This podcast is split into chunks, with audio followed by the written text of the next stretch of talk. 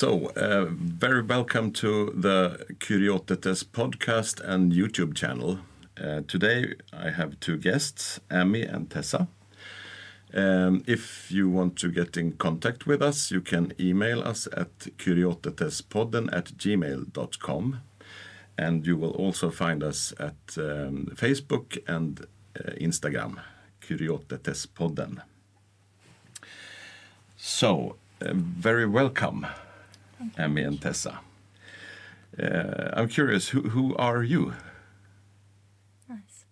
Shall I go first? Or yeah. Yes, please. Yeah. So yeah, my name's Amy, as you mentioned, and I'm currently uh, working for YIP, the International Youth Initiative Program, a local initiative in Ytterjärna. Um, I'm originally from Australia, uh, and came four years ago uh, to study at YIP, and then left for a few months, came back, volunteered, and then now I'm part of the team, and I've been, yeah, organizing the the program for the last two years. That's a little bit about me. So you, you were employee, uh, s- so, yeah, Yeah, ex-student and now and now, yeah, team you're member. Team, team member, yeah. yeah, yeah. And you, Tessa, who, Yeah. who are you? Yeah, so I'm originally from the Netherlands. I came to Sweden also for YIP. I did YIP 14, so last year. And then I stayed in Sweden for another year to work as a volunteer and join the team. So I'm now working as a colleague of Amy. I just realized I forgot to tell the audience who I am. Oh, my, yeah. na- my name is Horst Henrik Liljeström, and I'm uh, working and um, here in Järna, uh, Sweden. Yes. Uh, tell me a little bit more about uh, YIP. What, what is that all about? Yeah, so uh, YIP is a 10 month residential program for young people between 18 to 28. Um, we call it a societal entrepreneurship training. Um, but many people who come are people who are interested in all of the challenges that are happening in the world and want to find their role in all of this to figure out who am I and what can I be of service to, and hopefully find an area where your passion and a burning issue in the world kind of matches and you find something that you can yeah work towards creating change. Um, but it's 10 months it's living together it's normally between 20 to 40 participants from around the world. There's normally yeah 14 16 different nationalities present in the group. Um, and it's everything from making breakfast together cleaning courses living together. So it's a lot of um, yeah intense community time uh, to support each other in different projects and initiatives that the individuals want to work on but also uh, yeah meeting very interesting contributors who also come from around the world uh, to bring input on different content but maybe you'd want to speak to more of the yeah is it interesting to hear about the flow of the year or a little bit more of the content maybe Yeah, we, yeah, we could go more into the. yes, please, please. Yeah, so the program starts at the end of August, and then we have around eight weeks where we focus on the current fires in the world. We call this block the global realities. So we've yeah we have courses like um, values and economics, or courses on agriculture, on uh, power, privilege, and oppression, on war and conflict, um, and then we move after the break in the autumn we move more inward. So then we've looked at okay what's present in the world? What are the big challenges? And who am i? And what is mine to do? So there there's more focus on inner reflection and inner exploration. Um, we work a lot with art during this during this block as well. So we have courses like movement portrait painting storytelling. Um, we work with our biographies um, yeah and then we have a winter break and after this we move into the block where we really start um, yeah working together. This is the community and col- collaboration block where we focus a lot on community building and um, how to so we yeah we've looked at what does the world need and who am i what can i change and how can i work together with other people to make this possible. And that then results in a forum, an initiative forum that's organized usually uh, beginning of March. This year it was titled Spark to Flame, and the theme was all about connection, so connecting to self, other, and nature. And this theme is really a topic that's present in the group, and the yeah the students they decide what they would like to work on. Um, Do you do that in a whole group or, or in small groups or how how do you Yeah. do that? Yeah, so it's generally the whole group who takes on the Mhm. organization of this forum. Mhm. And then within that, there are, of course, smaller groups that work on specific elements Yeah. of the organization. So some people will really work on designing the program, and Mhm. others will focus on the food. Mhm. Um, some will focus on the marketing, others, yeah. so yeah, they split up and divide, but it's still held with the whole group. Together. Yeah, and after that, they the yippies all go on their internships. Mhm. Yippies are the how we, what we call the students. Yeah. uh, for about a month, they're going into the world to see how does social change. What does it look like in Mhm. practice? How does it happen in different places in the world? Mm. Um, to get inspired by many initiatives that are already taking place. Um, yeah, so that's where where they are now. Mhm. um, and then once they come back, the self-designed curriculum starts, and this is the phase in the program where they really, yeah, transition from participants to organizers. Mhm. So they will basically start organizing and designing their own program, um, and this is really the time where they can take their own initiatives and step into hosting and Yeah. inviting other people to join their projects. Um, and after that, we go on an outdoor experience to really celebrate the group and enjoy the Swedish nature Mhm. and learn, um, yeah, to live in the outdoors. Yeah, I think that's Yeah. a summary. Yeah. And and uh, this uh, internship, uh, does uh, everyone go to different places or how, how does that work? Yeah, so in the beginning of the year, YIP has relationships with different organizations around the world. Um, so we introduce those to the participants and we support them in finding kind of a guiding question that they want to work with, Yeah. like a research question or something, and then to see where does my research question fit, which organization does that fit with. Um, and then they form smaller groups to go on their internship with. So I think this year there's nine different locations, and the groups are between, yeah, from two people till seven people. Okay. Um, yeah, and for four weeks they get to shadow uh, an organization and learn Yeah. what they're working with. Yeah. And that's all around the world, for example. yeah, for example, India at Yeah. Vandana Shiva's farm. Um, we've had internships in Brazil, uh, SEKEM in um, Egypt. Mm-hmm. Where else? Uh, Lithuania, Bulgaria. Some stay in Sweden Yeah. as well. Yeah. Had the Philippines. Yeah, so it's really Kufunda, Learning Village in Zimbabwe. There's a group going to Senegal this year. So yeah, really all over the place actually. Yeah, Yeah. sounds really interesting. Yeah. Great. I wish I were younger. and um, in in uh, beginning of January, uh, you had visit Yes. From Dr. Vananda Shiva, and that was a, a, a block with different lectures. Tell me a little bit about that. Yeah. Um, yeah, so we were very excited to have Dr. How, how come was that she was coming? coming. Yeah. Um, yeah, it was a it was a bit of a project that took a took a while to manifest. Um, Yip had relations with Vandana Shiva many years back, um, but that had kind of gone to sleep. Uh, and then last year we connected through the internships actually because we, we, we reached out to Navdanya, her farm, to see whether an internship there would be possible. And Tessa was one of the participants who went, uh, and they all had an incredibly inspiring um, experience, which Tessa will probably share a bit about in a minute. But um, there we connected with Dr. Vandana Shiva and some of her colleagues, and yeah, asked her if she would like to come.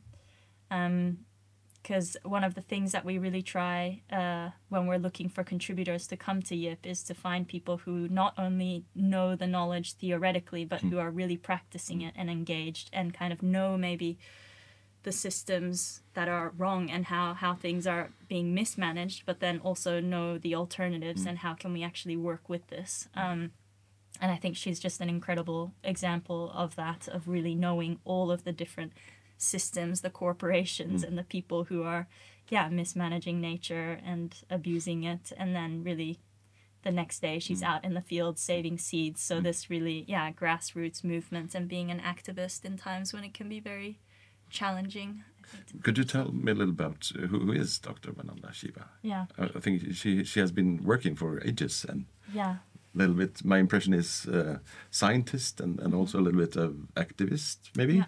Yeah definitely Yeah. would you like to Yeah, I will give it a try, but Yeah. I think she's quite difficult to summarize in a Yeah, couple of yeah. sentences. But um, yeah, Vandana Shiva is a scientist. She studied quantum physics, and um, she did a, her PhD on the inseparateness of life. So she she looked at um, quantum mechanics and how everything is connected, and what she calls her second PhD is her engagement with the Chipko movement. That was a movement in India uh, where the women protected the trees from being chopped down, basically by hugging the trees. Chipko means.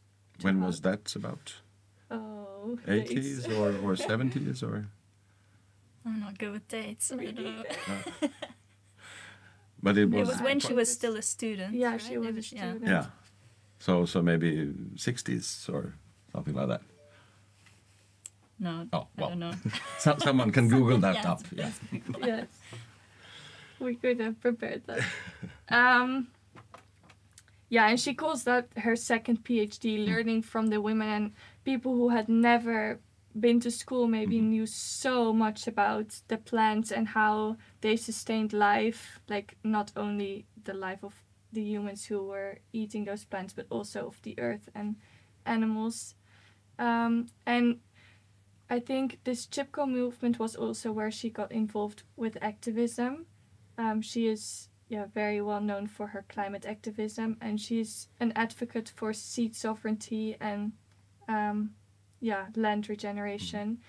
Um, she gives lots of lectures and talks on the influence of big corporations on agriculture, and she founded a farm, uh, the biodiversity farm in Navdanya Mhm. in Dehradun in India, where she started to save seeds because she realized that the seed is the basis of food sovereignty, and the seed is very, um, yeah, how do you say that? Like, in danger of being uh, abused by companies that try to genetically mo- modify mm-hmm. it and claim it as their property, making it very difficult for farmers to grow their crops mm. and um, yeah many farmers espe- yeah in india this is a really big problem Mm. with farmers suicide because they get in debt so badly through the companies. They depend on to buy their seeds and then yeah. because the seeds are genetically modified mm. they also need to buy fertilizers mm, and pesticides to protect the crop because it's not resilient. And then they continue in this loop and actually their yield decreases so um, they're not able to pay off their debts I'll just say our audience will see and listen to, to a part of a lecture. Uh, Yes. So, so I guess she, she, she is coming into to these questions. But I'm a little bit curious. Okay, yeah. Um, you, you went to the farm. yes Uh, yeah How how what what is that kind of a farm? How and where? Yeah, yeah. So for my internship as YIP participant, I went to the biodiversity farm uh, founded by Vandana Shiva, and it's located just outside of the city of Dehradun. Dehradun is about like two hours by car north of New Delhi, and it's close to the Himalaya mountain range. Um, and it's yeah, I remember sitting in the tuk tuk on the way back from the train station, and it was very chaotic compared to what I was used to. And I just couldn't imagine there being a farm somewhere around. And then we just turned left on this small road and we drove right into the mango orchard. And suddenly it was just an oasis of peace and quiet. And we just saw birds and heard insects flying around. And um, yeah, she has a farm there where they have they use 70% of the land to save seeds. So the only purpose of this land is to every year grow the seeds that they have in the Yeah. seed bank so that the seeds adapt um, with the changing climate. Um, and then they use 15% of the land for experiments to see like which crops grow well together, for example, um, and 15% to produce the food that they need for their community. Yeah. Um, and we, yeah, we helped on the farm there a little bit. We were at the end of the winter season, so we were harvesting radish and quinoa and mustard and those kind of seeds. And then um, this was all for seed saving as well. So we trashed the seeds, and then they were all saved in like clay containers Mhm. uh, that would keep them dry and safe until the next year. Um, Quite hard labor, I guess. it's quite hard labor. Yeah, they really don't use many machines there. Mm-hmm. They're also still plowing with oxes, and Okay. um, it's all done by hand mm-hmm. basically. Yeah, yeah. We would carry our harvest on our heads to mm-hmm. to the seed banks, just like tie it together with some grasses that you braid. yeah, yeah. It was really such a beautiful way of living where you become very conscious of all that it takes to fulfill our basic needs. Like, yeah, here when you go to the supermarket, you just forget Mm. what is behind that. Mm.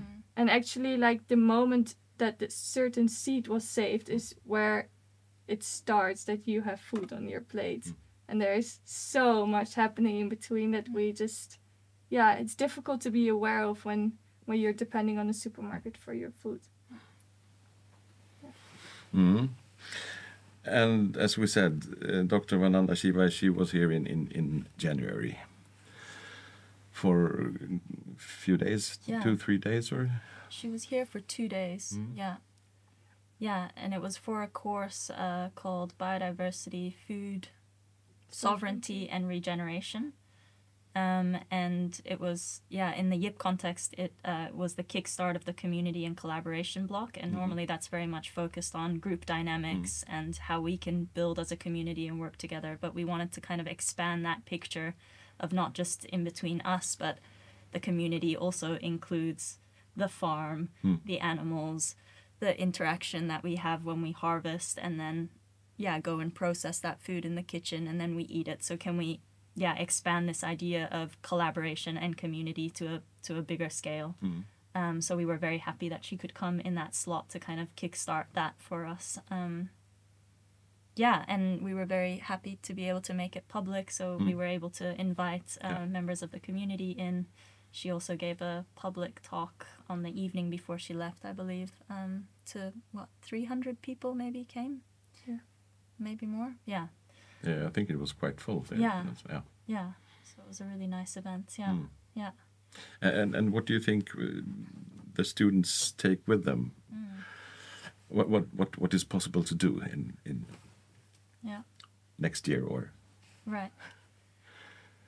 from these? Yeah. The the YIP students or Yeah. that wh- attend wh- the What what what can you do? What can you do with that? With this With knowledge and and information and and also the skills that you got when you went to the farm? Mm, yeah. What what? How is the future? What what possibilities Yeah. are there? You think? I think like some are very tangible and some are a bit more intangible. For me, what was a very big learning is that it shifted something in me with really I came from a background where I studied environmental sciences and I got a very negative yeah, human picture. Mhm. And I really tried to limit my negative impact as much as I could. And by being in contact with Dr. Vandana Shiva and her work, I realized that there's actually so much I can do to, yeah, to make my positive impact Mm. bigger, Mm. and that changed the whole way that I look at my like myself now. I Mm. think, and also how I look at myself into the future. Um, that there are actually so many beautiful things that human beings can create, and that there's nature can be really helped by the influence of human beings. We can actually create more biodiversity than what would occur, occur if there would be no human influence. Um, so that's a very hopeful thought Mm. I gained from my experience, but a bit more intangible and tangible. I think, um, yeah, just knowledge around Mm. how to grow a garden. I think and how to use certain plants also um, for natural pest repellents or on wounds or scratches or sunburn, mm, things mm. like this. Um, yeah, and also just a very strong motivation to work with your hands Mm. and um, yeah, to follow what you really believe in.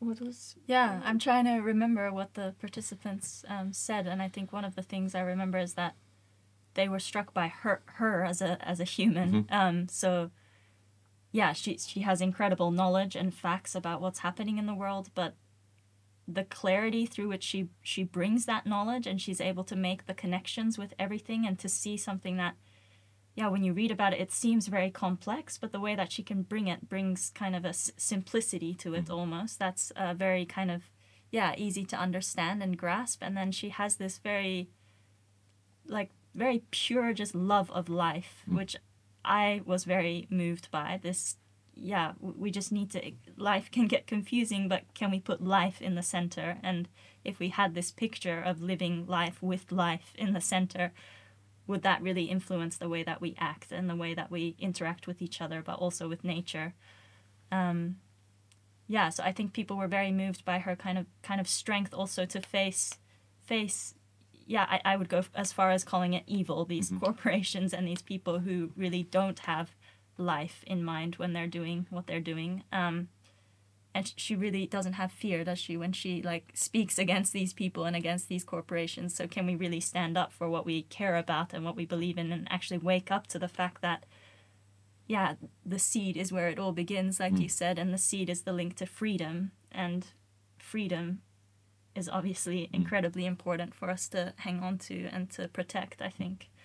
Um yeah maybe that answered your question Yeah, bit, because I, I- think yeah, I mean you, you can't eat money, no exactly so I think it's it's a question of, of spreading knowledge, and Yeah. and and make the coming and younger Yeah. generation aware and and I mean if you're watching the news or you you can be quite depressed, but Yeah. but there might also be possibilities yeah exactly and and um, Yeah, I think that's a very incredible quality that she has. Mm-hmm. Like how how she is so on top of everything that's wrong in the world and still able to say it with such a smile on her mm-hmm. face and so much hope for a better mm.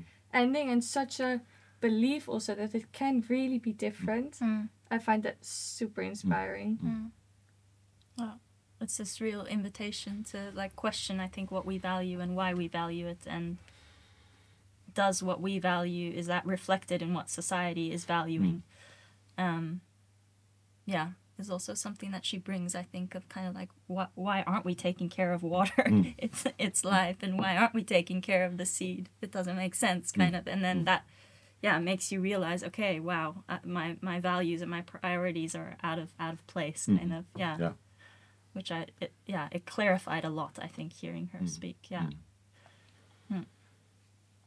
Ha, can I throw a question back at you? Yes, yes, of because you were there Yeah. uh, recording the Yeah, session. yeah. How was it for you? Were there any Um, uh, gems that you took out of the? I was quite focused uh, on- the technique, so I wasn't really listening. But I, I, I thought that what I was hearing was uh, it was a really um, inspiring, and, and also the questions that, that you came with. Uh, it was um, yeah, it was the opposite. I, I, I didn't got, got depressed. I, I'm com- becoming depressed of the news, but when. I in that context, uh, Right. it's, it gives me some hope.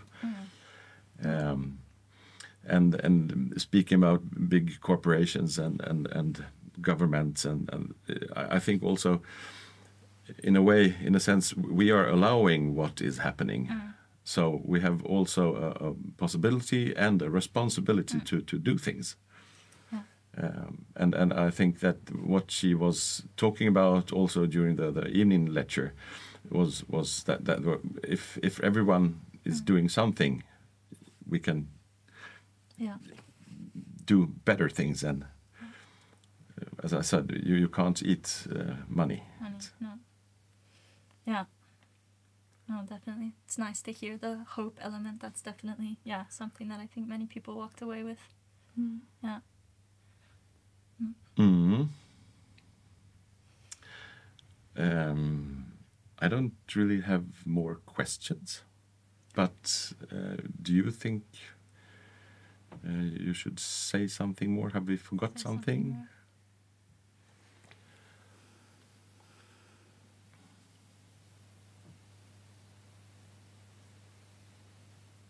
Well, I think it became clear out of our conversation, but just like this gratitude for all the work that Dr. Van Shiva has done and is still doing. I think it's incredible how, like, how, yeah, strong she is and how how much she made possible for other people Mm. as well. And I think she's a, a pillar for so many people um, even people who don't know that she is. Yeah, and I think also she's she's a human being, one person, and what she has achieved. I mean, you're you're one person, you are one person, I am. So we we can, if we really try hard, we can we can make a change. I think. Mhm. Definitely. Yeah. Okay, uh, thank you very much for coming. Yeah, It was really nice, and uh, now the listeners and viewers are watching a part of one lecture. Thank you. Yeah, great. Thank you very much. Thank much. you. Tack så mycket. Tack så mycket. Yeah, so I, I want to spend this session on, uh, on my understanding of how the, the economic system and economic models have a huge influence on the way we relate to the soil and sea and the food.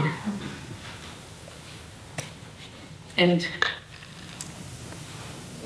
and because, you know, I grew up in an India where the corporations had grown out. So colonialism was destroy biodiversity and only plant the commodities that I need. And at that time it was cotton, sugar cane, cocoa, tea, coffee, that's it. So entire countries' landscapes were changed and an agriculture of diversity was reduced to these few things. But at that time, the issue was, you know, it wasn't that trade had not taken place before. After all, India the oldest trading nation, and we used to export spices. But I have worked with the spice gardens, which are thousands of years, same little plot. Mm. Just a 10 acre, not even a 10 acre farm smaller than that, five acres. Centuries they have lasted because they didn't eat up the base that supported them. There was a whole system of how fertility of the forest would be transferred to keep these systems a circular system, by bit. Um, and it's only when, and the price of spice used to be the real price of spice. So the, in Pliny's, uh, you know, the, the Roman history saying the Roman coffers are being drained to pay India for the spices. Or ten ships used to come to take back pepper. And it used to be called black gold. Same as indigo used to be exchanged for back and forth. But then you wouldn't, you know, how much pepper do you need? A little sprinkling. And the trade was sovereign. It's part of food sovereignty. That the growers of spice chose the price at which they sold, and it went through small trade to those who would use the spices. And all the early trade spices, you know, major ports of that time, spice ports. The, these valuable um, products ended up becoming colonial commodities. And the people here were still buying spice at very high price. But the growers were now starting to get less. And when the globalization now our period started, I looked at the rules of WTO and the rules the East India Company and the British Empire. And they're the same rules. First is You can't stop a foreign entity coming. which sovereignty means you can decide not to. Second is the international won't be taxed, but local will be taxed. That immediately changes the prices. So local always systematically gets more costly. And the third part was what we talked in the morning, the rent collection part. That those who are extracting claim to be creators and extract the value. In the GATT and WTO, three treaties were added that had not been part of international trade. Before that, international trade had been you know, goods, but not food had been kept out of the international system. Or because because of the war, the Europeans had faced huge food insecurity. And they recognized that food is not a commodity. Food security, food sovereignty are the first reason you have agriculture and food policy. And then by then, you know, the United States uh, had allowed corporations to go big, very big. And the three, three big giant groups of corporations of a bad food system. Toxic seeds, which is Monsanto, toxic trade, which is Cargill, toxic food, which is Coke and Pepsi. Yeah? They actually basically shaped what's called the WTO rules. Only three treaties, all of them related to our food. The first was agriculture agreement, and you would think agriculture agreement has in it elements of how to treat the soil, farmers' rights, that you should have elements about actual agriculture practices. It has only three sections. One is export competition. Second is domestic support. Now, the first is market access that a corporation has a right to get into any country that it wants to, and no country has a right to say no to them. And so that's the market access right. The domestic support is no country can support its farmers. And during the early days, I remember, because Norway had so many small farmers, uh, and they used to subsidize them hugely. So a small goat farmer in the mountains had the same system of culture of living, same economy. And that's why people stayed out in the country. But local dom domestic support means what goes to the farmer. Even though the Norway farmer is not dumping on India. What the dumping is the subsidies that actually go in the name of export competition. I give you a very simple case of those of you who read my book, Stolen Harvest. I wrote it during the time that soya dumping started on India. And overnight in 98, same year when Monsanto came in illegally, I think I just come back from a field trip somewhere in India. And we built, you know, we built global movements in the International Forum on Globalization. We built a international women's movement called Diverse Women for Diversity. And uh, as part of the women's movement, we had a national women's food sovereignty movement. And we used to gather every year. And poor women, farmers, everyone used to get together.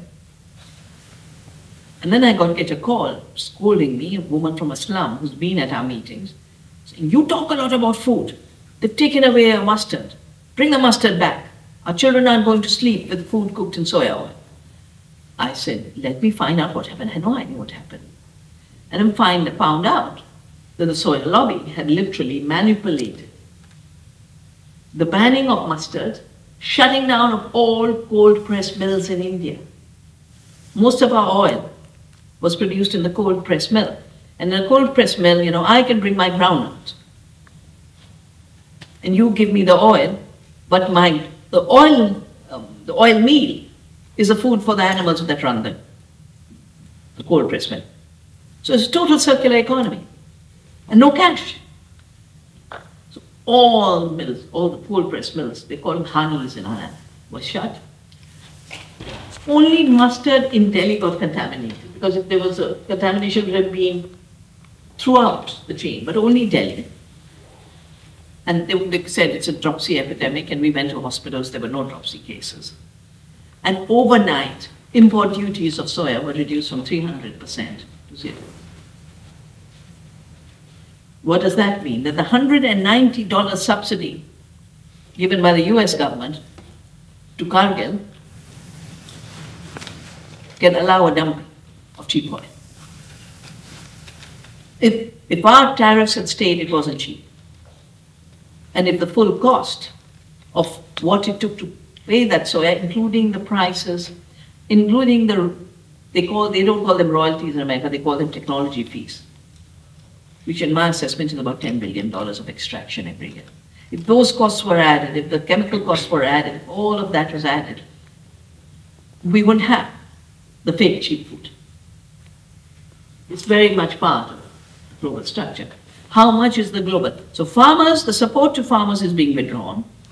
And one reason you've had a shift in politics in the Scandinavian countries is those global structures are interfering in your sovereign decisions. And by interfering in the sovereign decision, it's dispossessing large numbers. And by dispersing large numbers, it's polarizing society. Because then the dispossessed become available to finding enemies. You, you can either say, oh, here are the WTO rules. Monsanto and Cargill are ripping me off. Or you can say, oh, the migrant is stealing my job. And so you have this deflection.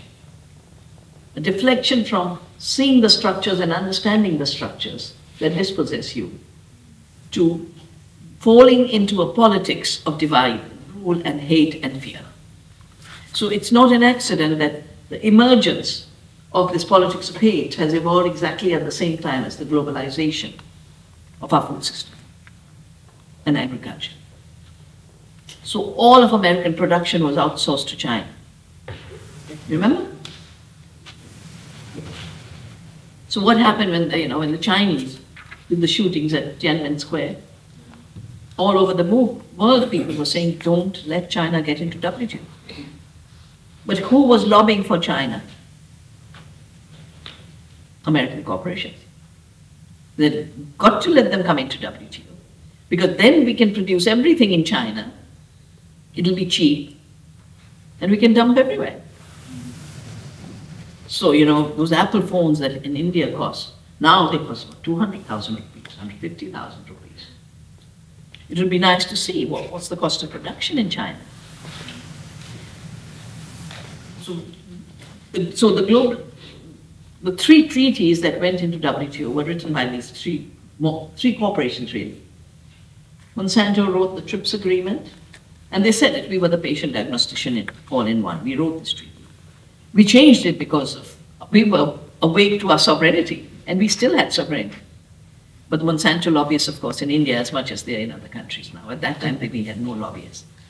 The second is the agriculture agreement, which Car the Cargill vice president was deputed to be the head of agriculture negotiations. So what's called the agriculture treaty is actually a Cargill treaty pushed through the US government. And for a while, there was, you know, the, the, the Europeans didn't want to change their agriculture. There was a, this, there was a lot of tension. And then there was something called a Blair House Agreement, where some things were traded and exchanged. And, you know, Europe gave us something, America. But basically, the farmers of the world paid a high price. To the extent that one of our former presidents was a commerce minister earlier, and he and I were traveling to Argentina or something for a UN meeting. And, uh, and I said to him, I said, how could you sign the WTO? And he says to me, because by then the suicides had started. You know, I'd written a report called The Death Knell for Farmers. And he says to me, well, the IT people, lobby, came to me and said, we must sign WTO because we'll have more jobs in India. I said, so you signed away India for a 0.0001%. That's the IT sector in terms of numbers. It's huge in terms of money because the billionaires of today are all the tech industry. And you know how they got rich? Also because of WTO. The first WTO meeting, the decision was, I, th- I think Mr. Gates had a lot to do with it, Microsoft lobbying very heavily, that no information exchange will be taxed. So normally, you know, if I sell goods, there's a tax. If I sell services, there's a tax. So they managed to do an escape. So the technology sector grew without any taxation. It grew in a totally deregulated atmosphere. And so the rich are the Jeff Bezos, Mr. Gates, and, uh, and they now, you know, the appetite is so limitless, they are now trying to shape the food system. And that's what I'll talk about in the evening. The, so the, basically, if you think of whether it's plantations, the colonial economy, or it's the industrial monocultures of today, commodities, they are basically extractive systems. The extractive systems, because first they're based on fossil fuel, which has to be extracted, both for the energy as well as for the chemicals. All chemicals in agriculture are fossil fuel based chemicals. The second reason why they extract is because they extract, they, they, by breaking the cycles of regeneration, they extract from the earth. You know, you do regenerative farming, you're giving back to the earth, the earth is constantly regenerating. If you work on an NPK mentality, you're thinking you're bringing soil fertility, but nitrogen fertilizer is not soil fertility. It should not be called fertilizer. Yeah? And because there's this illusion that somehow this is what making the uh, agriculture system, this is the food for plants, as the textbooks say, the fuel that's fertilizer, and the plant that's a machine. The reason soils are dying is their nutrition is being extracted. Their living membranes, the links, are being extracted the water is being extracted. Everything that makes an ecosystem come alive is being extracted. And desertification, the water crisis, are all results of this. Um, the figures are absolutely 50% greenhouse gases, industrial globalized agriculture, 75% destruction of soil, water, industrial agriculture, 90% disappearance of species, industrial agriculture, 75% chronic diseases, industrial agriculture. And every step of industrial agriculture, wherever there's a cycle, break it. Turn it into an extraction, make monies in the extraction, and they make more money by the externalities of that extraction. So most, the, you know, the IG Farben and, and Standard Oil, they gave rise to the system. They gave rise, know, Rockefeller also gave rise to Big Pharma, which is also based on petrochemicals, the petrochemical industry. Um, so now that Bio, Bayer is the biggest player in ag agriculture after they have bought Monsanto, uh, they know their glyphosate causes harm. They know that glufosinate causes harm. But not only are they making money by selling these poisons, they're making even more money by selling the drugs for the diseases their poisons create. So some, sometime, and I, you know, like I did that poison cartel thing, I want to make the links, each of this, with Big Pharma. I don't know how many of you are aware that the main owner of Monsanto, Pfizer. The agribusiness has been sold off to Bayer. But Pfizer was the owner of Pharmacia, which was the owner of Monsanto. So the links are like that thick between agrochemicals and big pharma and oil. It's a fossil fuel complex. But they also extract from the farmers. And that's the crisis that you know most people take for granted. There's so many places the question is that. But you know, industrial food is cheap and organic is expensive, and how do we deal that with that? I said deal with real price deal with all the costs that are being hidden in the system. We've done a book called Wealth per Acre, like we've done a book on health per acre, taking into account biodiversity, nutrition, health, and we can feed two times India's population good conservation biodiversity. Because you can either intensify biodiversity and relationships or you can intensify chemicals and separation. Because relationships in ecology are the basis of living processes, this intensification gives more life, more food, more health. Chemical intensification gives you more sickness, more disease, more disappearance of farmers and commodities, measured as if they're food. So I just do a little graph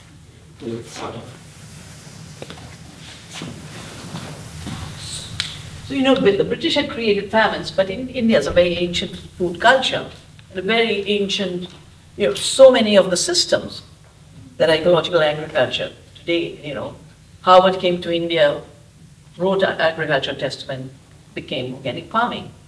From what I know, Steiner came to India, and just so much of what's in biodynamic farming was part of what you know, our women, I remember I had a visitor who wanted to teach biodynamics, so we had a women farmers from the mountains come in.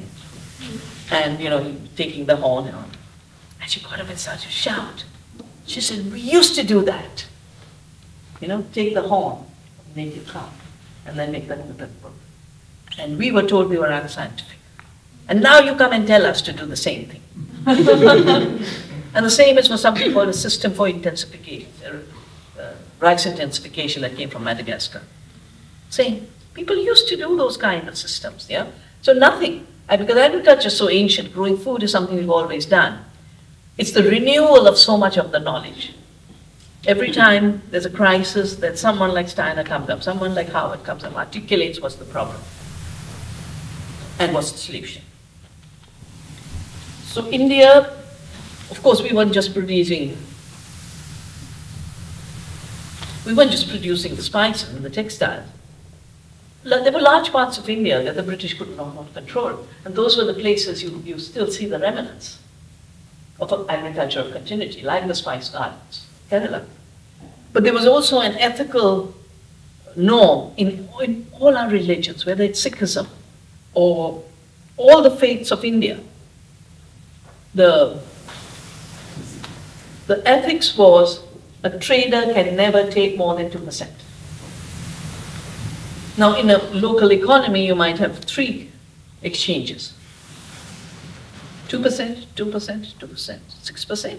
So the graph for India, I'm not taking the British colonial period, but the graph for India was a 6% difference between the farmers in price and the retail price. Food when it comes to you. 6%. Then the structural adjustments start to happen, and you know the World Bank interfered twice, but the big one was 91 structural adjustment. And here this polarization starts. And this is the key to understand how it happens and to find ways to go out. Farmers' price start to collapse. Retail price start to shoot up. So even when we talk of cheap food, we are not looking at how costly it's become compared to what it was. Yeah? So I sat with my colleague, it was 50% difference a few years ago. And, and we, we projected it with, you know, because the government stopped keeping data. Suicide is problematic, don't talk about the data. They stopped keeping the data of what's called the wholesale price and the retail price, you know. And uh, so you have to derive much more. Earlier it used to just be official statistics. But we, we used the indirect statistics and, and our assessment is it's 95%. So earlier here it was local traders. Here are giant corporations. They're, they are still traders. But they always point out how you know, when they want to concentrate, like Walmart when it came in, I filed a case against them. They were talking about how Indian trade is fragmented. I said, no, a person trading locally is not a fragmented entity. And you are not a holistic entity. You are just a big, giant controller. Yeah? So, so the big trade is taking up this money. Now, big trade in our country is the new partnerships that are coming up. None of these corporations dare to enter a very complex system on their own, because they know they can't deal with it. They enter through an Indian partner. So Cargill's come to Adani. Monsanto came through Mahyco. The third treaty is the, what's called the Food Safety Treaty, the Sanitary and Phytosanitary Agreement, which I would call the Pepsi Treaty. And it's basically about healthy food. And the junk food people are the ones who wrote what is safe and healthy for us. So what did they write in the treaty? Anything artisanal, shut it down. That edible oil crisis was partly linking with this thing. Uh, anything made by hand, anything made locally. And I've lived through this process because I've helped farmers. You know, when, when we saved the seas, then they said, now you've got to help us market this diversity, and we did. And when they come with something artisanal, yeah, some nice namkeens, we have lovely snacks in India, anything. And I would, or pickles, I would put it on the shelf. The day we put it on the shelf, the inspectors were there. They don't go to other shops. They come to Navdanya. No, no, no, you can't, because an artisanal making doesn't measure. You know, you know, century, this is a good pickle, you have to have this much of this and this much. Pickle perfect. No, you've got to have those nutrition facts, which means a poor woman in a village has to go to a lab and already she can't afford it, so the business goes out. That's how food systems disappear. The, through the policing of indigenous food and the underpricing of the real costs, this collapse. And this is why the farmers disappear. So, and this is not just the case for India. This I know because I've lived through this process and I've studied this process. But it is the case everywhere. I want to just, you know, summarize some of this. And, uh, yeah.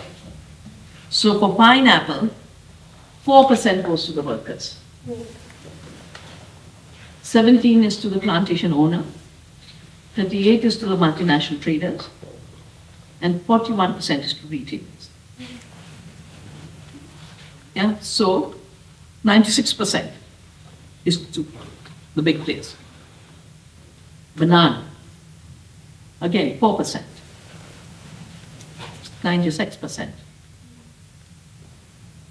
Oh, there's even a, a 12% to the ripener, because they, they get raw bananas. they put all kinds of chemicals to make them ripen. Uh, and this came out of the US for a $5.49 uh, pound of beef. $1 went to the farmer. For beer, for a $9 bag, 0.04 went to the farmer. For 3.26 potato chips, 0.06 went to the farmer. And this is not exceptional because Pepsi, like I said, they came into India potatoes for the potato chips.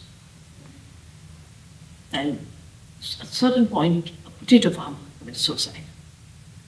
So I send out my colleagues to say, you know, look at the economy, what's happening.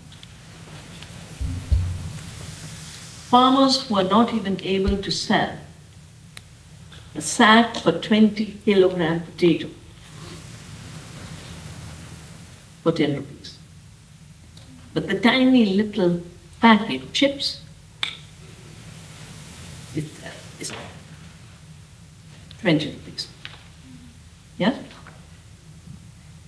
So we did the calculation. We said, okay, 20 rupees of chips. How much potato went into it? How much did the farmer get? 0.04. So we are talking about a 1 to 5% going to the farmer. But that 1 to 5% going to the farmer is in addition to all the other costs of the seed, of the chemicals, of the certification that the farmers must bear to be in this system. And that's why it becomes a negative. That the costs are higher than what you'll ever, ever earn.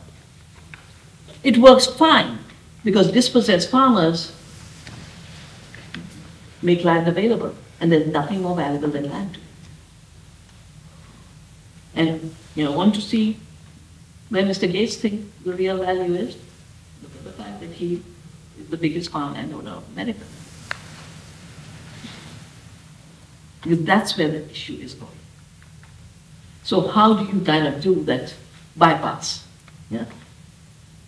The bypass, therefore, is for the farmer not to be dependent on seed, because it's the highest grain. And once you've shifted on seed, then you have to shift to everything else. Seed is where dependency or freedom begins.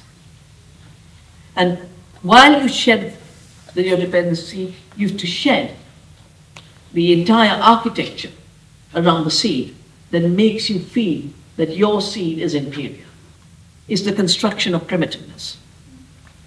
You know, our, our, our ancient grains were called primitive. That, that was in the scientific language. Our crops were called primitive. And they called primitive cultivars. And the others are called modern varieties. But you know, uh, indigenous seed growing today is a very modern variety because modern is about time. So that's why seed banks are so important. We've got to reclaim the seed. And the minute you say, my seed is not inferior, and you recognize that, that our seeds were bred for nutrition. You know, a farmer who, who, who breeds seeds and eats the food will maximize the nutrition. Farmer who breeds seed for growing themselves will maximize the resilience. But if you grow food as a commodity, you will measure the weight. So I always say, you know, a food system guided from the container ship cannot be a food system. Because the container ship, and it's so bad. I got a letter from South Africa when I was working on Walmart because they were trying to enter India. And the farmers of South Africa were writing to me saying we've had to destroy apple trees and plant new apple trees because Walmart just changed the size of its truck. And so the crate size has been changed. And therefore, the apples that fit into the crate has to change. Therefore, the trees have to change. The opposite of what it should be. This is what the earth gave us. This is the diversity we have. This is the way we will build the diversity in our food system. Because a diverse production system needs a diverse distribution system. And a, and a diverse food system needs a diversity in health. You know, that's what the gut health is about, diversity. You can pretend that a soya, you know, you can have soya oil, you can have soya milk, you can have soya bread, but as far as the gut is concerned, it is an attack of one molecule. That diversity can work on the supermarket shelves, but it doesn't go through the tests of a gut microbiome. So at least in Navdanya we found, we, we work with farmers and we tell the farmers, you make the, you decide what price. Whatever you grow on your amaranth, your ragi, or basmati rice, they, they decide the price. So that the seed sovereignty and food sovereignty go with economic sovereignty. And and then the, eh, the costs that go into you know, processing and milling the rice and transporting it, that's the work we support because otherwise farmers will go under. You know, they were not meant to do all of this. You know, women would pound the rice at home, and pounded, hand pounded rice is not only tasty, it's so much richer nutrition.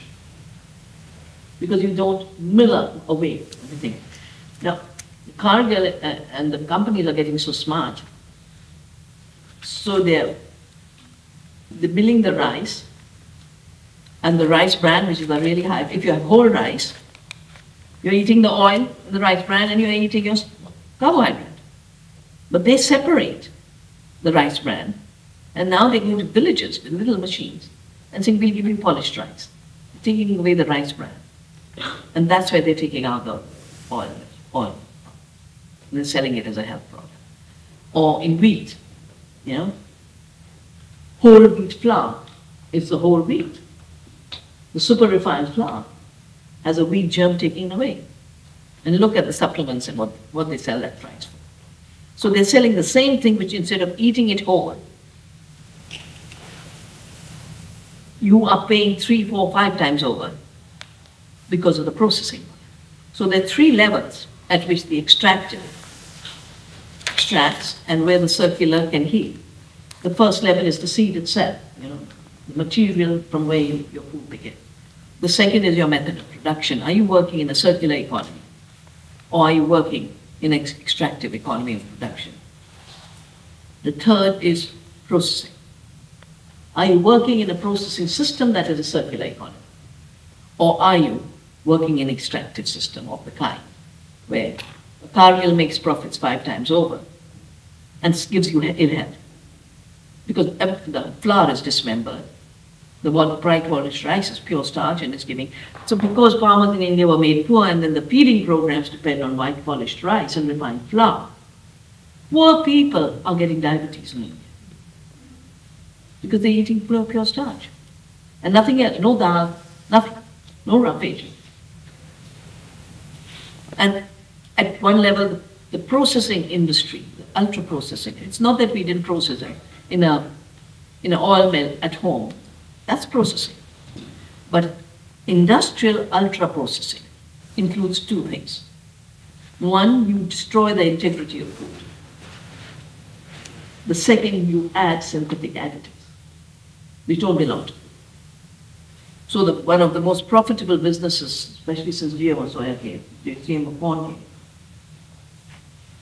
is high fructose corn syrup. They're not using natural sugar beets or sugarcane anymore high fructose corn syrup is a synthetic sugar made from corn as a raw material. But this synthetic molecule has never existed in nature, never existed in our food. And it goes and hits our liver straight. And in the US, we, we did a campaign of diverse women for them this because babies were getting cirrhosis. Young people were getting cirrhosis of the liver. They weren't drinking. This molecule goes straight and hits the liver. And this research is there, but it did not come out because Philip Morris, the big tobacco dealer, made a deal with the government of the US because they were also the biggest high fructose corn syrup makers. They said, okay, we'll accept your tobacco ban, but we will, you promise us that you will not regulate high fructose corn syrup in assisted sale. So the processing system, right now, ultra-processed food is the cause of most disease of the world is recognized. The third, the fourth element is distribution. You know, are your links between the grower and the eater intimate? Or are they anonymous? And all initiatives that are trying to build a food sovereignty system are one way or the other shortening the distance between the farmer and the eater and the min minute that's done, if you reduce the costs of production by getting rid of chemicals and, and seed, you've already made your production system viable. Because what eats into your income is the external cost, external budget. And if you, if you, it's the, the two things that you need to break out of is one dependence on the external input which are draining, it's hemorrhaging. That's where the suicidal farmers are. You know? It's hemorrhaging farmers. And the other side is the slavery of the supply chain, which leaves a 1%, 5% in the hands of the farmer and ensures bad food comes to the eater. so the health of the eater and the health of the land and the farmer are one health. And those are the, that's the connection through which we have to build the systems. Some places those systems have been totally eroded, some places some remnants exist, but it doesn't matter. Because we can't we can't say I won't eat. You know, you can ask me this, we always eliminate, don't eat. But but the choice right now is uh, eating yourself to death and disease or eating health. and if food is about health, then eating healthy becomes an obligation and eating healthy then requires your relationships with those who grow healthy, and it's part of one food system, one community. That's why I keep saying food is a community builder, both because it's the currency. And another thing about this is I have, I've said it earlier, but the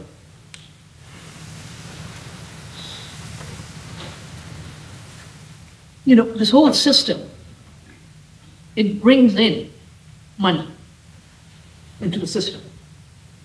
And I remember when the Green Revolution, propaganda material was being written, they used to actually say, once we do chemicals, farmers will get used to commercial activity. And then we can control it. And to the extent that the, the Punjab farmers, I remember a declaration when I was writing that book, they said, we are slaves. If you can't decide what seed you use, if you can't decide how you grow the food, you can't decide its price, you're living under slavery. They named Green Revolution as a slave system. And that's why so much rebellion took place over there. So the farmers' liberation really is having their seed, knowing how to grow food in good ways, but then having a community who re respects them, recognizes them, rewards them, and links to them. and that means you have to move from thinking of money as the currency to food as the currency, life as the currency, health as the currency. Yeah?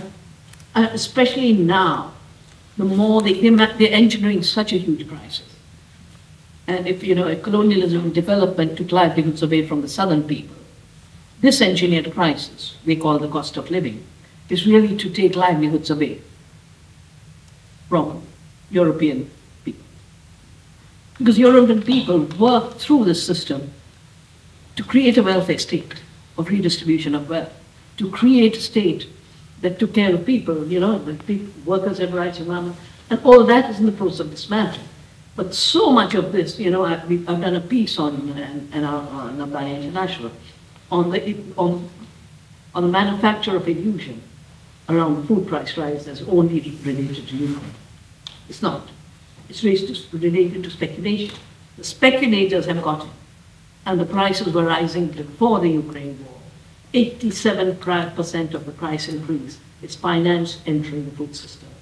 And, and once finance enters, then you can you know, make prices right. 2008 was the year of the economic collapse. You'll have heard of the Arab Spring. But the Arab Spring was a bread riot. Every country, Algeria, Morocco, Egypt, what they were protesting against was the increase in rice in the price of bread and the inability to buy. But of course, then the media switched it, and before you know it, Facebook managed it, and, and it became Arab Spring. The bread disappeared. You know, food disappeared from those things. But that's when the food prices started to increase. And with very, very good book in, written in Harper's Magazine, I think it's called The Food Bubble. Very, very good. Kaufman is the name of the author. And he's talking about this financialization. It's the same for nature, same for food. That the financial economy buys and sells fictitious goods. You know, that's what a financial asset is. And it says, once you have financialization, which then the objective is to drive up the prices because that's where the money will come. The price of wheat in the fictitious world starts to determine the wheat in the real world. Yeah? So the total, that's how the local economies start collapse. That's why we need more insulation. Now your buildings have insulation, right? We need insulation. And insulation means we have to create local living economies. And for me, the, you know, outrage is what makes me understand what went wrong. And, and then the regeneration, the healing, the justice, it was, is what propels me to find a path. And when it comes to food, you can't, you can't say, I won't find another you know? You have two options if you don't skip the other way. Deprive the food, the hunger crisis, or made sick with a bad food that's affordable, or speak the truth. Our studies have shown that $1.3 trillion is the externality of chemical food, and about 1.5 trillion is its health externality in India alone. And, and our manifesto on food for health is um, a manifesto, we've done these for global, like, you know, the Group. And we had some of the top doctors working with us who work on specific aspects. Because the two areas where the disease comes from is first, food has become full of toxics, and second, it's become nutritionally empty. and both are disease-causing factors. So we, we have a role, and we don't have a role as, you know, it's not a specialized activist thing we have to do it. This is about living. This is about living a healthy life, living a sovereign life, living a community life. I'm for it. Thank you.